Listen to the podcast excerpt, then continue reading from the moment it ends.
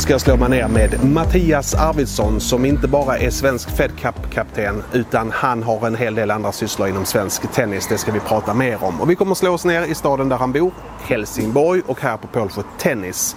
Eh, några hundra meter ner bara har vi Öresund med Danmark och Kronborg som siluett. Då vet ni var vi är. Vad kan man prata med Mattias om? Rätt mycket faktiskt. Vi ska prata om tendenser i svensk tennis och vilka framtidsutsikter han ger de svenska eh, tjejerna framförallt som är på väg uppåt. Nu kör vi!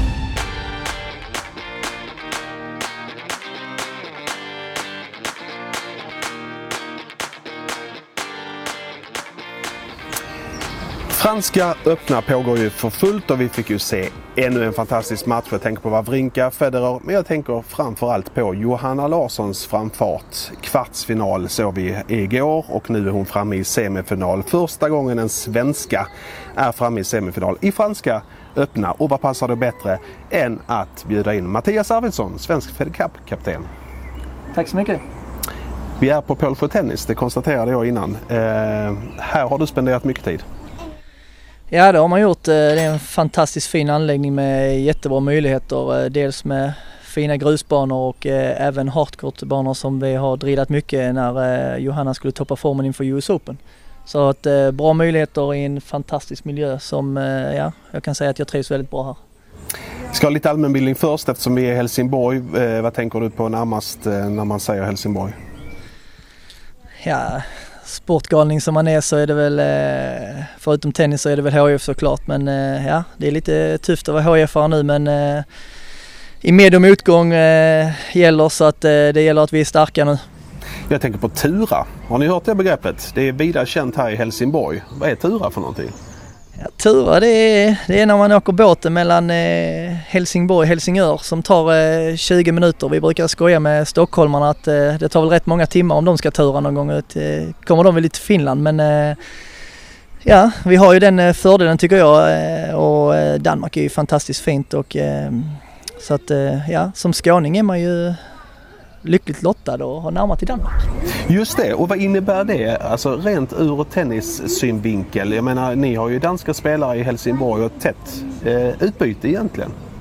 Det har vi och eh, Danmarks nu eh, upcoming storstjärna Klara Tausen har ju spenderat lite tid här i Helsingborg och tillsammans med Johanna och tränat lite och eh, även varit lite i kontakt med, med hennes pappa nu eh, angående inför Båstad 125 De har frågat om vi kan ha lite samarbete och, och, träningar och så här så att det, det tycker vi är jätteskoj och jag tycker absolut inte man ska vara rädd för att jobba över gränser för att eh, det kommer vi behöva om vi ska konkurrera med alla de andra länderna. Klara Tausen ja, wildcard till eh, Båstad, det var kul. Ja det är eh, en riktigt duktig spelare och eh, bra smäll på bollen alltså. Och, eh, nej, det, är, det är skoj att hon får spela där och säkert mycket danskar som kommer vara på plats. Eh, har sett henne lite under året och såg henne också i Fed Cup när hon spelade riktigt bra och då var hon ju färsk eh, Grand Slam-vinnare när hon vann eh, Australien så att eh, nej, jag tror hon har något riktigt stort på gång. Men vi ska prata svensk tennis framförallt idag. Eh, även om jag tänkte halka in på franska öppna. Men eh, vi har ju några svenskar kvar där. Kevin Shahood i eh, dubbel när vi sitter här i alla fall. Eh, vi har Kajsa Henneman i singeln, i flicksingeln. Och vi har Johanna Larsson då med Kirsten, eh, belgiskan där, Flipkens i dubbel semifinal. Det är häftigt. Hur mycket har du hunnit kolla?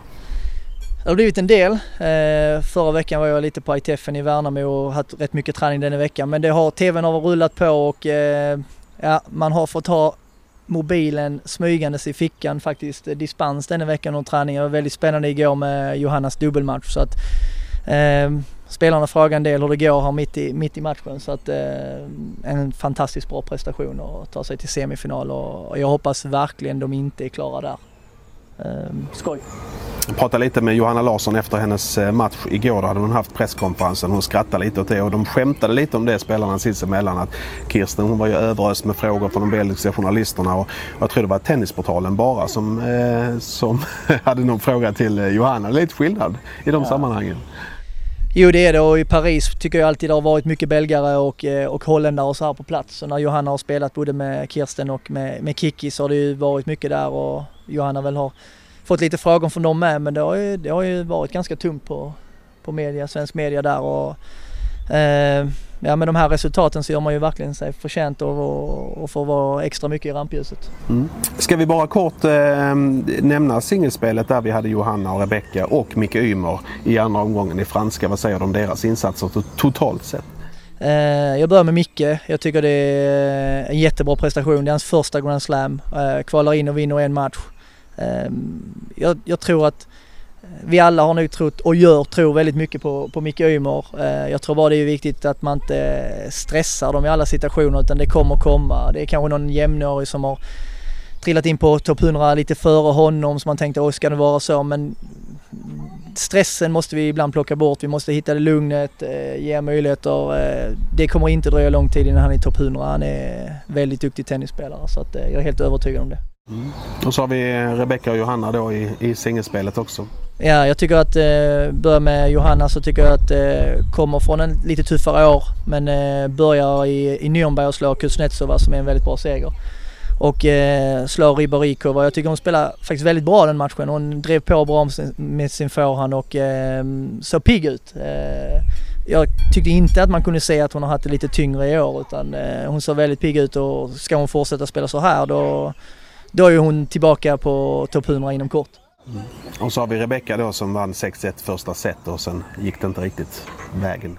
Nej, men jag tycker att eh, när jag såg Rebecka på Fed Cup i, i, februari så blev jag jätteimponerad hur hon har utvecklats hela tiden. Eh, pappa och tränare Mart och hela teamet har gjort ett jättejobb med henne och utvecklat mycket saker och Forehanden är ju ett världslag och servern har utvecklat jättemycket. Hon har, eh, nej det är det steget hon har tagit nu och jag är helt hundra på att hon kommer etablera sig där och även eh, ett par klasser upp också. Så att eh, Rebecka eh, på grus är tung att slå.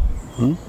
Eh, Mattias var ju tränare för Johanna under många år eh, i egenskap av att ni ni jobbar ju i samma klubb här, Helsingborgs eh, TK och sen var du med ute och reste eh, med henne jorden runt. Eh, men ni gör inte det längre. Men hur mycket tränar ni och pratar med varandra idag? Tränar nu blir det ju lite mindre men när hon är hemma i klubben så försöker jag hjälpa henne så mycket jag kan. Eh, om inte jag gör det så gör någon annan HTK-tränare det. Sen har det varit lite dåligt sista tiden. Vi har ju, när jag har varit iväg och hon varit hemma och, och tvärtom så det har varit lite tråkigt men eh, ja, kontakten eh, håller vi ju jättemycket. Om vi inte skriver till varandra sju dagar i veckan så är det väl eh, sex och en halv då.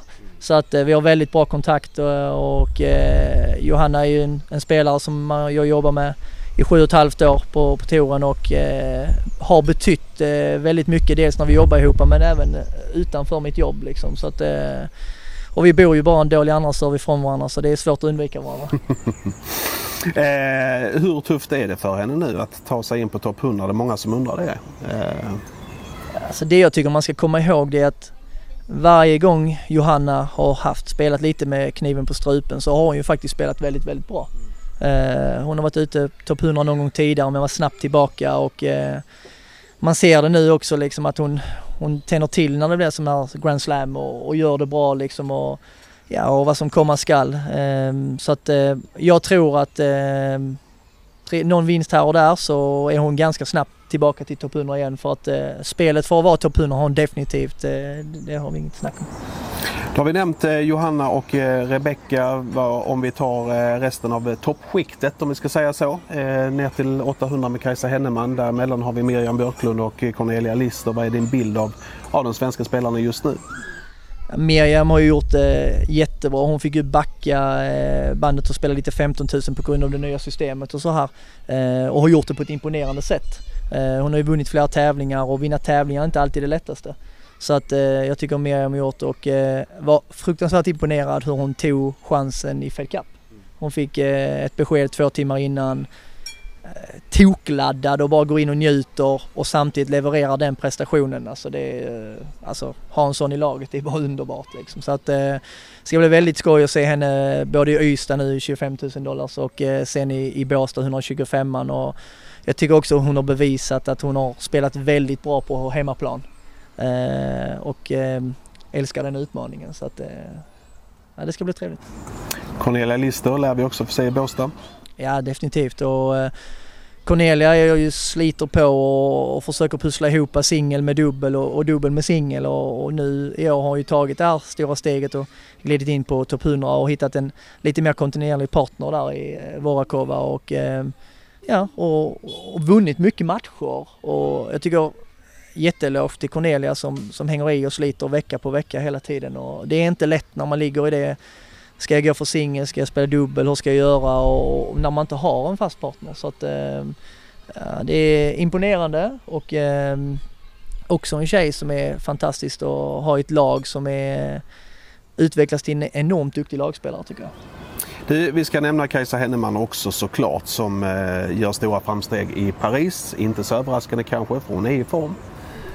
Ja, nej men hon har ju spelat bra. Jag tyckte, mm, vi var i Turkiet eh, fyra tjejer och jag i två veckor. Jag tyckte, då kom hon från Casablanca från ITF Junior och hade en semi där och spelade väldigt bra och förlorade mot segraren första veckan och finalisten andra veckan och då sa jag till hela hennes team att ja, men, lite kyla här så kommer, det, så kommer det gå bra. Det kommer hända saker och det visar hon ju med på de svenska tävlingarna när hon vinner dubbel i båda, båda veckorna och final i singel i Pixbo och semifinal i, i, i Varberg. Eh, och när man fortfarande är junior och kan leverera de resultaten så att eh, har, tycker jag börjat få ännu bättre driv i sin forehand och eh, vinner fler poäng där och börjar ju påminna lite mer om eh, Rebecca och Johanna när de driver med sin forehand tycker jag så att eh, jag vet inte om det är någonting med, med svenska tjejer och den här forehanden att det ska drivas ordentligt men eh, och nu i Paris liksom, ja de var ju, det var ju nästan, de var halvvägs hemma nästan. Alltså man besviken, eh, tårar, en stor besvikelse, man har åkt ut i kvalet, man vill så gärna spela Grand Slam. Och eh, komma in sen och få veta att jag är lucky loser och, och som hon har tagit vara på chansen. Eh, och det tycker jag är, Kajsa är ju en jätteprofessionell tjej som, som älskar det hon gör och, och det smittar ju av sig i hennes omgivning när vi har läger eller tävlingsresor och allt vad det är. Hon är ju suverän på de bitarna så att eh, ja det blir skoj idag mot en spanjorska här och eh, se om de ska hålla på tre eller fyra timmar. Mm. Och den matchen är säkert klar när ni tittar på detta. Men vilka marginaler det är från att åka hem och, och stanna kvar och njuta av livet där och spela på samma bana som, som de stora spelarna. Ja, men tennis är det, det, det slår ju bara på tre, fyra bollar ibland liksom om, om man är segrare eller om man är förlorare och det är, det är en tuff sport på det sättet så att eh, ja det är det som vi säger när, när det kommer en liten eh, motgång eller en dipp så gäller det att eh, inte deppa för mycket för det kan komma framgång dagen efter. Så det gäller att hänga i och, och, och tro på grejerna och jobba stenhårt så, så rullar bollen med oss också. Mm.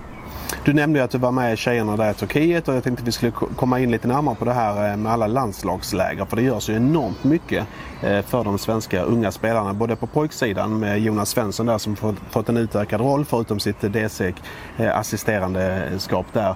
Och du är ju Fed Cup-kapten, du jobbar i Helsingborg på halvtid. Men du jobbar ju väldigt mycket med svensk eh, ungdomstennis och de här lägerna. Berätta lite vad tanken och hur mycket du är ute med dem. Ja, men tanken var med lägerna förra året det var att vi, vi skulle dra igång eh, läger för att skapa en enorm vi-känsla. Och inte bara mellan spelarna utan också att, eh, att tränarna skulle få vara med eh, och kunna vara på plats. Så vi skulle bli ett starkt team tillsammans, vi skulle komma närmare spelarna. Eh, om inte tränarna skulle kunna vara med på någon tävling eller någonstans skulle de få lite support från förbundet.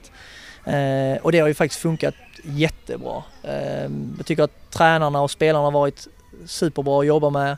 Det har varit ett eh, riktigt teamwork. Man såg första lägret vi hade, då var det, jag ska inte säga att det var topp för att eh, alla spelare var inte med. Men efter det har ju varit så hög närvaro och, och tränarna och spelarna frågat kan vi inte ha fler läger, kan vi inte ha fler läger? Och det, det är någonting som har visat sig varit väldigt, väldigt bra.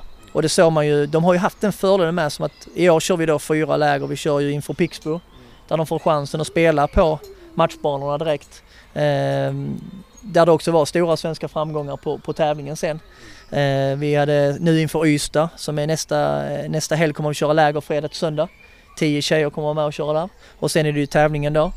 Eh, och sen inför 125 då blir det ju lite mer eh, Fed Cup-truppen då som har chansen att, att träna innan. Och där har det ju varit så att vissa kommer från, från tävlingar innan och att man bara hoppar in liksom. Och, och tränarna då, individuella tränare har varit välkomna liksom så att vi ska ha den här teamkänslan. Och sen är det inför 15 000 dollars i Djursholm och Näsby Park som vi brukar köra i Djursholm då. Så de eh, fyra lägren tycker jag har varit eh, väldigt, väldigt lyckade.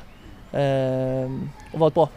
Och de du nämner, de här tävlingarna, det är bara några tävlingar som förbundet arrangerar. Jag tror det är 20 tävlingar internationella på svensk mark eh, bara i år från Tennis Europe U14 och hela vägen upp på senior på internationell dam och herrnivå. Eh, och det, det, är ju ofta, ofta här på de här svenska som, som de svenska unga spelarna tar sina första poäng. De är viktiga.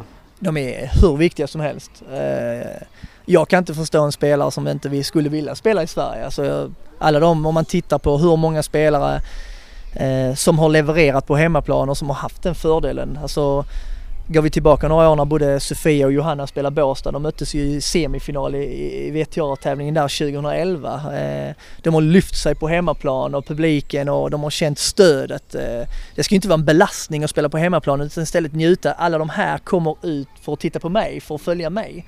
Och det försöker vi prata väldigt mycket om när vi har de här lägren med att, ja, men, att media jagar eller det här det är ju för att de är intresserade av era prestationer så att man inte ska se det som en nackdel utan man ska se det som en jättefördel. Och, alltså jag tror att såklart finns det väl alltid spelare som kan känna oj det kan vara jobbigt att, att spela på hemmaplan men det måste vi vända till att det ska bli en jättefördel. Och, eh, ta Miriam när hon fick göra debut i, i VTA-tävlingen, hon kommer in på, på arenan eh, tar plats direkt och, och, gör en fantastisk match. Det är ju det vi vill känna liksom att, eh, att vi ska spela. Ja, definitivt, definitivt. Och tittar vi också nu både på eh, när det var 15 000 både på dam och här så var ju, rensar ju faktiskt svenskarna rensar ju nästan eh, rent hus där på tävlingen och samma nu med ITF. Det var ju jättebra framgångar för svenska spelare och lätt att ha med ledare och, och, man känner sig hemma och är inte ledaren med sin egen tränare så har man ofta lite kompisar som supportrar och så här så att eh, nej de är ju superviktiga.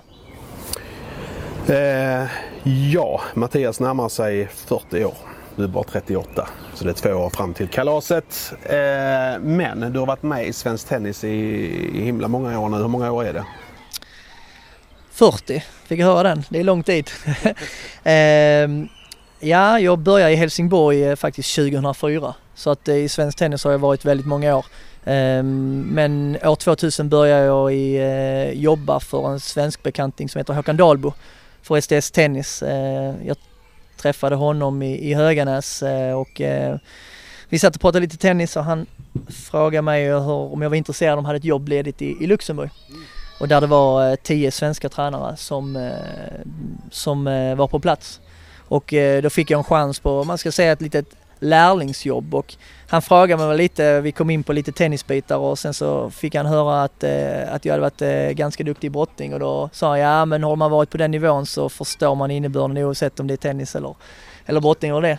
Så att eh, ja det är väl tacka honom mycket att jag sitter här idag också, att han gav mig chansen och, och de, de trodde på mig och jag hade väldigt nyttiga år där. Eh, jag kan säga att det var väldigt tufft ibland. Man, man lämnar hemmet efter en jul och, och var väldigt dämpad men eh, det jag fick lära mig där och, och resa Europa runt och de chanserna jag fick är jag evigt tacksam för. Det, det är jag jätteglad för. Men innan det så kom du med en tennisbakgrund som spelare, ung spelare?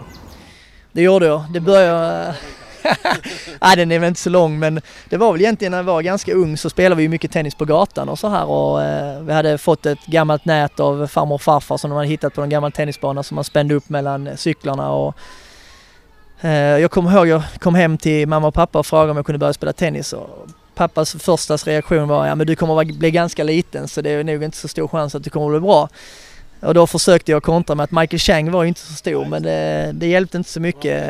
Han var bäst just då ja, men eh, jag var ganska framgångsrik i brottning och, och, och fotboll då också så att eh, såklart hade jag flera sporter men eh, helt plötsligt så cyklade jag ner till, till utebanorna. Jag skulle tippa att jag var vid 11 års åldern och var vid Åbyvallen i Klippan då och spenderade mycket tid.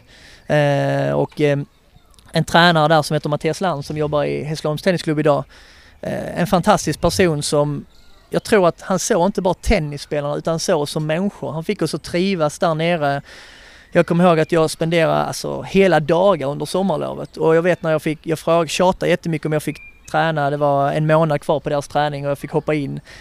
Och jag tror jag skulle träna mellan 50, 56 och jag var där från halv fyra till nio och mamma kom efter och frågade, skulle aldrig cykla hem? Men då, då fattade hon att, eh, att jag trivdes väldigt bra där nere. Så att, eh, på så sätt blev det, men tennis blev ju mest för mig på somrarna eftersom jag spenderar så mycket tid med brottningen och så här. Men eh, väldigt bra komplement och eh, som sagt Mattias är också en av dem som gör att jag sitter här idag. Ja, hem från Luxemburg och eh, hade du en plan då? Hade jag en plan? Ja, jag började faktiskt längta hem väldigt mycket. Och eh, så att jag hade väl en liten plan och det gick ett litet rykte om att det kanske fanns en halvtidstjänst i eh, Helsingborgs Tennisklubb på gång. Eh, och då fick jag höra det så jag var inne och träffade dem och eh, när jag var hemma så började jag vikariera lite under elitserien. När tränarna var borta var jag med och hoppade in lite på juniorträningen och så här. Och eh, kan säga att jag tog alla timmar jag fick chansen på. Så att, eh, kom in väldigt bra och sen eh, från januari då fick jag en anställning. Eh, kommer ihåg jag fick halvtid plus timmar fick jag.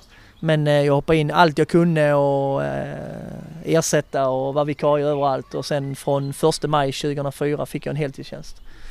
Och sen har jag varit här sedan det. Så att eh, ja, det är ganska lång tid. Men då har du ju lite att jämföra med. Eh, tänker både ungdomstennis och seniortennis. Eh, vilka tendenser ser du i svensk tennis idag? Är vi på rätt väg? Det är en väldigt bred och öppen fråga men din känsla? Ja det tycker jag. Jag, jag tycker... Ja, men, alltså jag tror jag var ganska lycklig lottad att Helsingborgs Tennisklubb hade ju enormt många bra spelare här i klubben. Eh, du hade en Filip Pripic som spelade eh, Grand Slam-kval och så här och Alexander Hartman och du hade Erwin Eleskovic. Vi har ett jättebra elitserielag, eh, hur många bra spelare som helst helt enkelt. Och, så det är klart att man, det är lätt att man kan bli blind och bara titta där men om, i hela svensk tennis. Men om vi, jag tycker faktiskt om man tar några år i mittenperioden och jämför nu så tycker jag ändå att det känns som att vi är lite på gång igen. Jag tycker att ehm, det känns mycket mer som att det är en bra vi-känsla mellan klubbar, eh, förbund, akademier, utbyte. Eh, det är inte så stor prestige. Jag tycker att, och det är faktiskt något som jag tror är väldigt viktigt om vi ska komma vidare.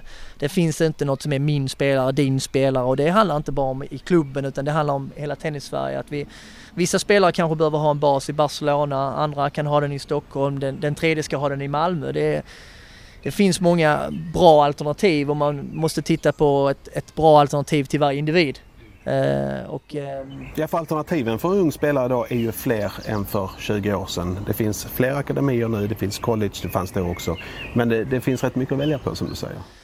Ja, och det kan också vara en, en, eh, det är en jättebra möjlighet i det men det kan också vara att många blir bortskämda och tänker att ja men okej, funkar det inte här nu på ett halvår så ska jag byta, byta plan och så ska jag byta plan. Jag tror det är väldigt viktigt med kontinuitet liksom, att man bygger också upp en, en trygghet eh, och det tror jag är, framförallt också om det börjar gå tufft någon gång så vet man ändå vad man har att, att luta sig mot och eh, som sagt det ser man ju väldigt på en sån som Rebecka till exempel som har jobbat länge med sin pappa och, och eh, det teamet då liksom och då kanske de bara tar in lite stöttning på något håll som kan komma in med lite nya idéer eller, eller bara hjälpa till något litet. Så jag tycker ibland behöver man inte göra så stora förändringar och så här och det tycker jag är eh, en bra grej att ha med sig. Bra, vi ska byta spår helt och hållet nu i avslutningen av den här podden. Vi försöker hålla dem runt en halvtimme. Eh, det beror mycket på gästen hur mycket den pratar. Eh, Maria Strandlund Tomsvik ska vi säga. Hon är ju fullt upptagen med eh, Eurosport, kommentatorsjobbet där så hon kan inte vara med som gäst denna gång. Men vi tycker vi har klarat det ganska bra så här långt i alla fall. Du, eh, Dagens Nyheter presenterar en ny rapport idag. Jag vet inte om du har läst den. Det handlar om stönandet på tennisbanor eh, tennismatcher. Det låter ju enormt mycket när spelarna eh, tar i. Och det är lite beroende på vilka spelare det är. Men i den här rapporten då så slår man fast att det är ju faktiskt fler som stönar än som inte gör det. Och det kom väl lite med Jimmy Connors och Monica Seles där och sen har det bara liksom byggt på hela tiden. Vad, vad, vad beror det på att man stönar? För det frågade min dotter mig igår. Jag kunde inte svara på henne. Varför? För vi satt och tittade på Franska öppna. Jag tror att det, det är så många gånger du, ju, du gör en maxgrej med kroppen och mm. får ut det lilla sista så tar du väl i liksom. Det är, ja, du har väl jobbat i trädgården själv och ska lyfta en tung sten någon gång mm. så att då kommer det här. Ja, ja, så, att, så jag tror liksom att det kommer där. Sen kan jag hålla med om att det kan ju också överdrivas på vissa håll. Mm. Eh, tycker jag. Mm. Så att eh, det är väl liksom, det ska ju vara en grej som ska känna att eh, det ska hjälpa dig och, och, och, lite också många gör det liksom med hjälp av som andning och så här när de blåser ut i slaget. Liksom. Så att, Eh, enligt sportpsykologen här som var eh, med i rapporten här, Louise Delay, eh, så är ju stödet ett sätt för spelarna att stärka självförtroendet, att liksom ge undertryck till, till det man gör för stunden.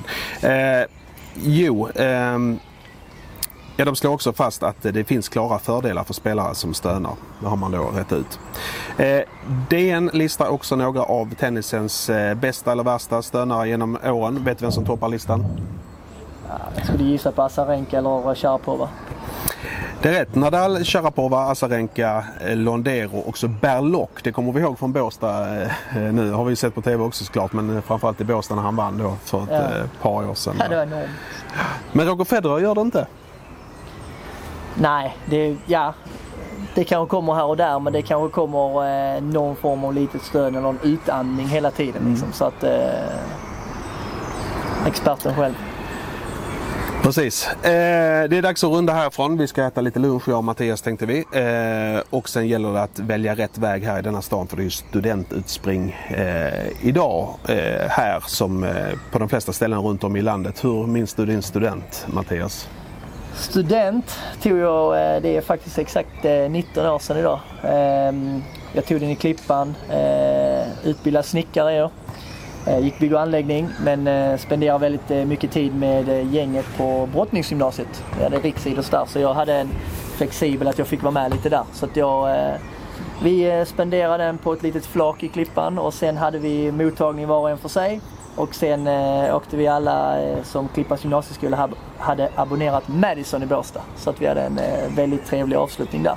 Och, och kan säga att varje gång man är på den här dagen så har man alltid goda minnen att komma ihåg och eh, ibland skulle man faktiskt önska att man fick skruva tillbaka klockan och göra om det en gång till. Även om du lever drömmen som tennistränare? Det gör jag verkligen. Eh, det ska jag verkligen säga att jag, jag trivs eh, fantastiskt bra med det här jobbet och eh, ja, jag kan säga så här, man klagar aldrig om det är måndag eller lördag eller söndag liksom. Så att, eh, det, är, det är ett härligt jobb eh, som jag trivs med fantastiskt bra. Perfekt. Stort tack för att du tog dig tid och eh, snackade tennis ett tag. Och tack för att ni tittade så hörs vi snart igen. Hej hej!